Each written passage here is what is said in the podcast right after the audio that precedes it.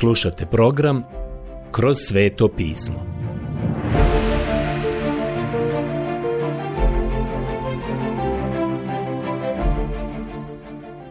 Knjiga Postanak. Odlomak Postanak prva glava od 2. do 25. stiha. Vraćamo se na knjigu Postanka i izgleda kao da ne možemo pobjeći od prvog stiha. To je veličanstven stih. To je veoma značajan stih. Ja mislim da su to vrata kroz koja ćete morati ući u Bibliju. Morate vjerovati da je On stvoritelj. A bez vjere nije moguće ugoditi Bogu, jer onaj koji hoće ugoditi Bogu treba vjerovati da On postoji i da plaća onima koji ga traže. Hebrejima 11.6 U početku U početku stvori Bog nebo i zemlju. Postanak 1.1 Pogledajmo sada na trenutak ovaj kratki stih. U početku. I to je početak koji ne možemo datirati. Možemo to opisati kao milijarde godina i mislim da bismo vjerovatno bili u pravu, ali ko zna tačno koliko? Čovjek sigurno ne zna. Idemo dalje. Bog stvori. Riječ stvoriti koja je ovdje upotrijebljena je hebrejska riječ bara. Ona znači niz čega. Ova riječ se u prvom poglavlju knjige i Postanka koristi tri puta. Ovdje su zapravo tri čina stvaranja. Prije svega imate stvaranje nečega iz ničega. U početku stvori Bog nebo i zemlju. Zatim imate stvaranje života. Čitamo sada stih 21. Tako stvori Bog velike morske nemani i sva živa bića što se miču, od kojih vrvi voda po njihovim vrstama i sve krilate ptice u njihovim vrstama i vidje Bog da je bilo dobro. To je životinski život svih vrsta. A zatim treći čin stvaranja nalazimo u stihu 27. Tako Bog stvori čovjeka na sliku svoju, stvori ga na sliku Božiju. Stvori ih kao muža i ženu. Imamo stvaranje nečega ni iz čega. Zatim imamo stvaranje života. A onda stvaranje ljudskog života i ljudskih bića. Vjerujte mi na riječ da teistička evolucija uopšte ne daje potpuni odgovor. Teistička evolucija je svakako neupitna, ali ona slijedi stvaranje sve dok ne dođete do čovjeka. I za nju su Adam i Eva produkti nekog evolucijskog procesa. Teistički evolucionisti smatraju da su dani u knjizi postanka zapravo vremenska razdoblja, i to dugačka vremenska razdoblja. Mi naravno ne vjerujemo da je to istina i mislim da je vrlo očigledno da to nije istina. Bog je nazvao veče i jutro danom prvi, a ja sam mišljenja da je to sasvim jasno u ovom poglavlju kao što ćemo vidjeti i na drugom mjestu. Ali sada ćemo se vratiti ponovo na knjigu Postanka 1.1 gdje piše da je Bog stvorio nebo i zemlju. Zemlja je odvojena od ostatka stvorenja. Zašto? Pa to je čovjekovo rodno mjesto. Tu je trebalo smjestiti čovjeka. Jako smo zainteresovani za čovjeka jer i mi pripadamo toj vrsti stvorenja. Moramo shvatiti da smo stvorenje i to Božje stvorenje, a kao Božje stvorenje mi mu dugujemo nešto. Sada ovdje imamo nešto što je jako važno. Prije mnogo godina Herbert Spencer je govorio da postoje najopštiji oblici na koje se može podijeliti manifestacija onoga što je nespoznatljivo. I to je način na koji on i podijelio. Vrijeme, prostor, materija, sila i kretanje. Prije mnogo godina vrlo dobar osobni radnik bio je George Dewey Blumgren, Razgovarao je sa jednim vojnikom, narednikom koji je također bio diplomirani pravnik i pokušavao mu je svjedočiti. A onda je ovaj narednik spomenuo Herberta Spencera. Blomgren je rekao vojniku, jesi li znao da i Biblija i Spencer zastupaju velika načela stvaranja? I narednik je razrogačio oči i rekao, zašto, kako to? On mu je onda rekao, Spencer govori o vremenu, prostoru, materiji, sili i kretanju, u prvom stihu knjige postanka imamo vrijeme na početku, imamo prostor nebesa, imamo materiju zemlju, imamo silu, Bog, boži duh, vidimo to i u stihu 2, i imamo kretanje, duh boži koji se kretao po površini vode. Dakle, u prva dva stiha postanka imamo ova velika načela koja su nažalost zanemarena. Koliko je samo važno da to vidimo. Želim da nastavimo da idemo dalje u ovom odjeljku. Ovdje dolazimo do nečega što vjerujemo da treba razmotriti. Zemlja je bila još pusta i prazna. Tama je ležala nad bezdanom. Duh je Boži lebdio nad vodama. Postanak 1.2 Sada ovdje imamo nešto što su posljednjih godina neki pokušavali diskreditovati. Kažu da ovdje nemamo spomenutu katastrofu, ali ja vjerujem da se ta velika katastrofa dogodila između prvog i drugog stiha. I mislim da zato postoji obilje dokaza. Već u startu kada pogledam u ovu ogromnu kreaciju, shvatam da joj se nešto dogodilo. Čovjekov put na mjesec otkriva da to nije ništa nego obična pustoš koja se nalazi gore. Kako je došlo do toga? Mogu reći da se dogodila katastrofa u Božjem svemiru. Sada imamo spomenutu zemlju jer će to biti mjesto gdje čovjek živi, a to je zemlja koja je postala pusta i prazna. Tama je ležala nad bezdanom, a to je bilo zbog Božje odsutnosti. Duh je Boži lebdio nad vodama. Imate izjavu koja je data u knjizi proroka Izaije 45.18. Izaija je rekao da Bog nije stvorio ovu zemlju, tohu va bohu. Ovo je hebrejski izraz koji znači da Bog nije stvorio zemlju bez oblika i praznu. To nije način na koji je Bog stvorio zemlju. Bog je stvorio ovaj svemir kao kosmos, a ne haos. I to je ono što nam Izaija pokušava objasniti. Dozvolite mi da se vratim i pročitam Izaiju 45.18. Jer ovako veli gospodin, stvoritelj neba, pravi Bog, koji je sazdao i stvorio zemlju, koji ju je uredio, koji je nije stvorio kao pustinju, nego ju je sazdao za prebivalište. Ja sam gospodin i drugi niko. Važno je da to vidimo. On ju je stvorio ne tohu vabohu, nego je zemlja postala totalna vabohu. Formirao je tako da bude naseljena. I Bog je taj koji je došao u ovu ruševinu i pokušao, ne samo da je pokušao, on je to i učinio. Učinio je zemlju mjestom pogodnim za čovjeka. Sve ovo proučavanje otkriva nam da ti i ja živimo u svemiru i čini se barem što se ljudi tiče. Ovo je jedino naseljeno mjesto u svemiru. Imamo činjenicu da je zemlja postala bez oblika i prazna i tama je bila nad bezdanom. Ja mislim da je tada zemlja bila kao mjesec, a duh Božji kretao se iznad voda i onda je cijeli svemir upao u veliku katastrofu. Pa koja je to katastrofa? Možemo samo sugerisati, ali ovdje uopšte neću da ulazim u detalje. To ćemo učiniti kada dođemo do drugih odlomaka svetoga pisma. Očigledno postoji neko predadamsko stvorenje koje je bilo na ovoj zemlji i sve to je povezano sa padom Lucifera, sina Zorinog, koji je postao Sotona, đavo, kakog danas poznajemo. Mislim da je sve to ovdje uključeno ali Bog nam nije dao detalje. Činjenica je da nam je ovdje dao vrlo malo detalja. Zemlja je bila još pusta i prazna. Tama je ležala nad bezdanom. Duh je Boži lebdio nad vodama. A riječ za lebdio znači da je bdio kao kvočka nad svojim pilićima. On je lebdio nad vodama. Duh sveti je ovdje započeo službu koja se iznova ponavlja. Rekreacija. On stupa na scenu i ponovno stvara. To je ono što on čini za nas. Sjetite se da je u Evanđelju po Ivanu 3.5 gospod Isus rekao sljedeće. Morate se nanovo roditi, ali ne samo to. Morate se roditi od duha i ono što je rođeno od vode i od duha, sada je voda riječ Božja, riječ Božja. Ukoliko želite krštenje smatrati simbolom, u redu, to je u redu, ali voda znači riječ Božju, a duh sveti je njen autor. Prijatelji, ovo je veoma, veoma važno da razumijemo. Stvaranje zemlje. Sada se nešto dogodilo zemlji.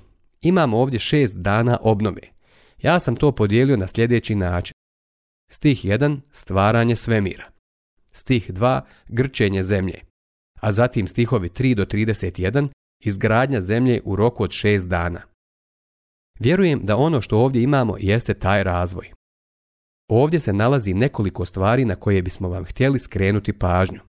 Kaže, jer u šest dana stvori gospodin nebo i zemlju, more i sve što je u njima. Ovo piše u knjizi izlaska 20.11. U tim riječima nema ništa o stvaranju, već on pravi nešto od postojećeg. Bog uzima ono što je ovdje već stvoreno i formirano i u tih šest dana on ne stvara, nego iznova stvara. On stvara od onoga što već postoji, materije koju je vjerovatno pozvao u postojanje milijardama godina ranije. On je stvorio život i stavio ga na zemlju. I on je također stvorio zemlju za čovjeka. I to znači za tebe i za mene. To ovu priču čini jako važnom za nas danas. Sada ćete ovdje primijetiti nešto drugo. Prvi dan svjetlo. Zapisano je. Tada reče Bog. To je stih 3 i čitajući ga dolazimo do prvog dana kada je stvoreno svjetlo. I reče Bog neka bude svjetlost i bi svjetlost. Samo tako, prijatelji moji. I vidje Bog svjetlost da je dobra, i Bog je razdijelio svjetlo od tame. I Bog je svjetlost nazvao danom, a tamu je nazvao noć. I bi večer i jutro prvi dan. Postanak 1 od 3 do 5. Moj prijatelju, to je sigurno bio dan u trajanju od 24 sata. Ne vidim kako bismo mogli bilo šta drugo zaključiti iz toga. Ono što je važno jeste dok se spuštamo ovamo dolje, Bog je rekao, neka bude svjetlost. Deset puta u ovom poglavlju je rekao, neka bude. Ako dođemo na stih šest, tamo piše, neka bude svod posred voda i neka rastavi vodu od vode. U stihu devet piše, neka se vode skupe. Skrenut ćemo vam pažnju i na ostala takva mjesta. Deset puta u ovom poglavlju imamo riječi neka bude. Zato je neko ovaj odlomak nazvao Deset zapovjedi stvaranja. Ovo je božanski dekalog koji imamo ovdje. Prvo, neka bude svjetlost i bi svjetlost. I Bog je svjetlost nazvao danom, a tamu je nazvao noć. I bi večer i jutro prvi dan. Usput rečeno, to je bio prvi put da je Bog progovorio. Ovo je nešto značajno što želim napomenuti. Da je Bog rekao neka bude svjetlost. Sada idemo na stih šest. Drugi dan zračni prostor. Tada reče Bog, neka bude svod posred voda i neka rastavi vodu od vode. Postanak 1.6 Sada je ovaj nebeski svod rakija, to su zračni prostori. Bog je razdijelio vode od voda. Šta to znači? Pa prvo je podijelio vode okomito. Voda je iznad i voda je ispod. Mi smo bili na Havajskim ostrvima i tada je u Honolulu palo 12 cm kiše u veoma kratkom vremenu. To se dogodilo u roku od nekoliko minuta i mislim da sam tačan u tome. Ali rekli su nam da preko 500 cm kiše padne na mjestu gdje smo bili. Prijatelju moj, ima puno vode gore ako dole padne 500 cm kiše. Bog je to učinio. Bog je podijelio vode koje su bile iznad od voda koje su bile dole. I Bog je to nazvao nebeski svod. Ovo nije nebo kako ti i ja mislimo o tome. Postoje tri neba koja se spominju u Svetom pismu. Gospod Isus je govorio o pticama nebeskim. Mislim da je to ono što imamo ovdje. Nebo koje je ovdje spomenuto. Dalje imamo zvijezda na nebu, a još dalje je i treće nebo gdje on prebiva. I tako prvi sloj gore, prvi nivo je onaj na kome se nalaze oblaci i gdje ptice također lete i nasta večer i nasta jutro. Treći dan. Suho tlo i biljni život. I sada dolazimo do trećeg dana. Tada reče Bog, neka se voda pod nebom skupi na jednom mjestu i neka se pokaže kopno. I tako se dogodi. Kopno nazva Bog zemlja, skupljenu vodu nazva more. I vidje Bog da je bilo dobro. Postanak 1 od 9 do 10. Sada imamo horizontalnu podjelu vode. Prvo imamo vode iznad i vode ispod nebeskog svoda. Vode su odvojene od zemlje, od planete. Ta podjela je prva napravljena. U tome nema ničeg nenaučnog. Kažu nam da je svako mjesto na površini zemlje na kojoj danas živimo nekada bilo prekriveno vodom. To je očigledno bio sud koji je došao na zemlju negdje unatrag u mračnoj i dalekoj prošlosti. O tome je praktično ne znamo ništa. Sve što kažemo je nagađanje. Vidite, Bog nam je ovdje rekao veoma malo, ali nam je rekao dovoljno da mu možemo vjerovati. To je sve. Bog je suho tlo nazvao zemljom. Šta se sada on sprema učiniti? Pa izgleda da se sprema napraviti mjesto na koje će se smjestiti čovjeka i koje će biti pogodno za život i stanovanje. Čovjek nije vodeno stvorenje, iako neki od ovih evolucionista misle da smo izašli iz vode u morskoj travi koju smo spomenuli. Sjećate se toga. Drugi misle da smo izašli iz kante blata. Kako samo ljudi mogu imati absurdne ideje? Zapazite da je Bog rekao da se razdijele vode pod nebom. I dalje to je treći dan. Tada reče Bog, neka pusti zemlja iz sebe travu, bilje što nosi sjeme i plodonosno drveće što rađa plodove prema svojoj vrsti plodove što u sebi samima nose svoje sjeme na zemlji. I tako se dogodi. Postanak 1.11. Bog ovdje stavlja na zemlju biljni svijet jer je čovjek do potopa očigledno bio vegetarijanac. Nije jeo ništa osim voća i orašastih plodova. O tome bi se moglo još pričati, ali mi trebamo krenuti dalje. Čitamo ovdje. Zemlja pusti iz sebe svakovrsno zeleno bilje što nosi sjeme i drveće, što rađa svakovrsne plodove u kojima je sjeme. I vidje Bog da je bilo dobro. I nasta večer, nasta jutro, treći dan. Postanak 1, 12 do 13. Četvrti dan. Sunce, mjesec i zvijezde. Dolazimo sada do četvrtog dana. Tada reče Bog, neka budu nebeska svjetlila na svodu da rastavljaju dan od noći kao znakovi i neka ona služe i pokazuju vremena, dane i godine neka svijetle na nebeskome svodu da rasvjetljuju zemlju. I tako se dogodi. Bog stvori dva velika nebeska svjetlila. Veće je da vlada danom i manje da vlada noću. Uz to još stvori zvijezde. Postanak 114 14 do 16. Bog nije stvorio sunce i mjesec u ovo vrijeme. Već su bili gore. Bog ih je tada doveo u odgovarajući položaj, tako da je jedno od njih moglo preuzeti kontrolu nad danom, što sunce radi prilično dobro, a drugo preuzeti kontrolu nad noću, što mjesec dobro radi noću. I onda ovdje na kraju stoji da je načinio i zvijezde.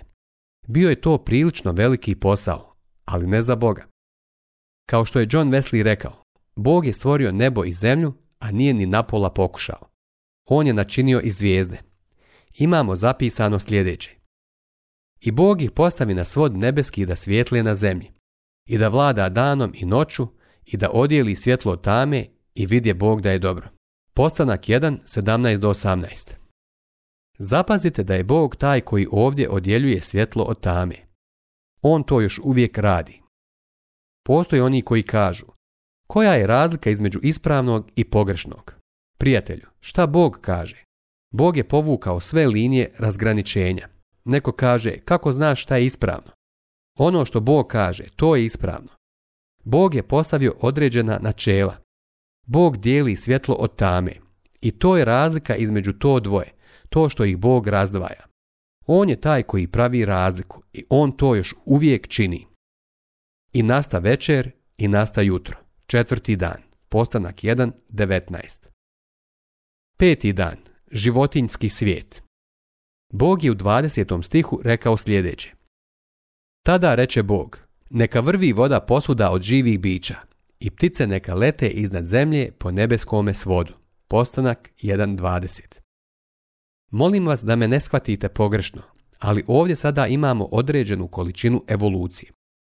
Pod evolucijom ne podrazumijevam samo to da je sve nastalo od jedne male čelije, već da je Bog napravio po jedno od svake vrste stvorenja. Zapazite da kaže da je napravio svako biće po njegovoj vrsti, a to nije onako kako Darwin govori o vrstama.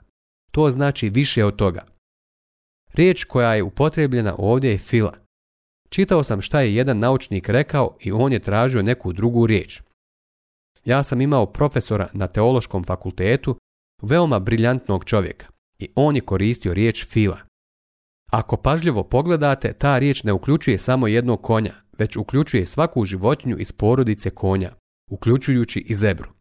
Bog je stvorio jednu takvu životinju došlo je do razvoja od te jedne životinje. Ja vjerujem da je to istina. Reći da je sve nastalo od jedne male amebe i da Bog nije stvoritelj, to je ono čemu se protivimo. Mislim da je došlo do ogromnog razvoja do danas. Tako stvori Bog velike morske nemani i sva živa bića što se miču, od kojih vrvi voda po njihovim vrstama i sve krilate ptice u njihovim vrstama i vidje Bog da je bilo dobro. Postanak 1.21 Primjećujete li to? Kada Bog nešto učini, onda je to dobro. Bog ih blagoslovi riječima. Rađajte se i množite se. Napunite vodu u moru. I ptice neka se množe na zemlji. Postanak 1.22 I usput da kažem, taj naučnik je rekao da ako ćemo predavati priču o stvaranju, onda bismo trebali predavati i o rodama koje donose djecu. Vjerujte mi, ako pažljivo čitate Bibliju, vidjet ćete da tamo nema takvih priča o rodama. Te životinje su se morale roditi, a to vrijedi i za čovjeka. Malog Vilija nećemo naći ispod panja, niti je roda donijela malu suzi. Ali Bog je stvorio nebo i zemlju. Hoćete li zapaziti sljedeće? I nasta večer i nasta jutro, peti dan, postanak 1.23. Sada smo prošli prvih pet dana, Prelazimo sada na šesti dan. Šesti dan. Razmnožavanje životinja. Tada reče Bog, neka zemlja proizvede živa bića svake vrste, stoku, životinje što gmižu i zemaljske zvijeri, sve po njihovoj vrsti. I tako se dogodi. Tako načini Bog zemaljske zvijeri po njihovoj vrsti, fila. Stoku po njezinoj vrsti i sve gmizavce po njihovoj vrsti. I vidje Bog da je bilo dobro. Postanak 1.24.25 Bog odvaja životinski život i bini život od čovjeka. Sljedeći put ćemo vidjeti da je Bog rekao, načinimo čovjeka na svoju sliku i priliku. Želimo obratiti pažnju i dobro pogledati ovo stvorenje koje je Bog stvorio, jer je slučajno bio vaš pra pra pra pradjed i vaša pra pra pra pra baka. On je i moj pra pra pra pradjed, a to znači da smo ti i ja rođaci. Možda ne bliski rođaci, ali to znači da je čitavo čovječanstvo povezano. Budući da je Adam pao u grijeh, mi smo i tu u rodu. Mi smo braća po grijehu. To je slika čovjeka koju ćemo vidjeti u knjizi Poznanka. Sljedeći put počet ćemo upravo tamo.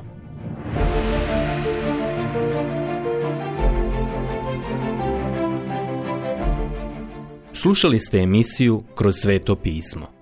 Možete nas slušati i na našem YouTube kanalu putem mobilne aplikacije, te na svim glavnim podcast platformama kao što su Google, Apple i Spotify.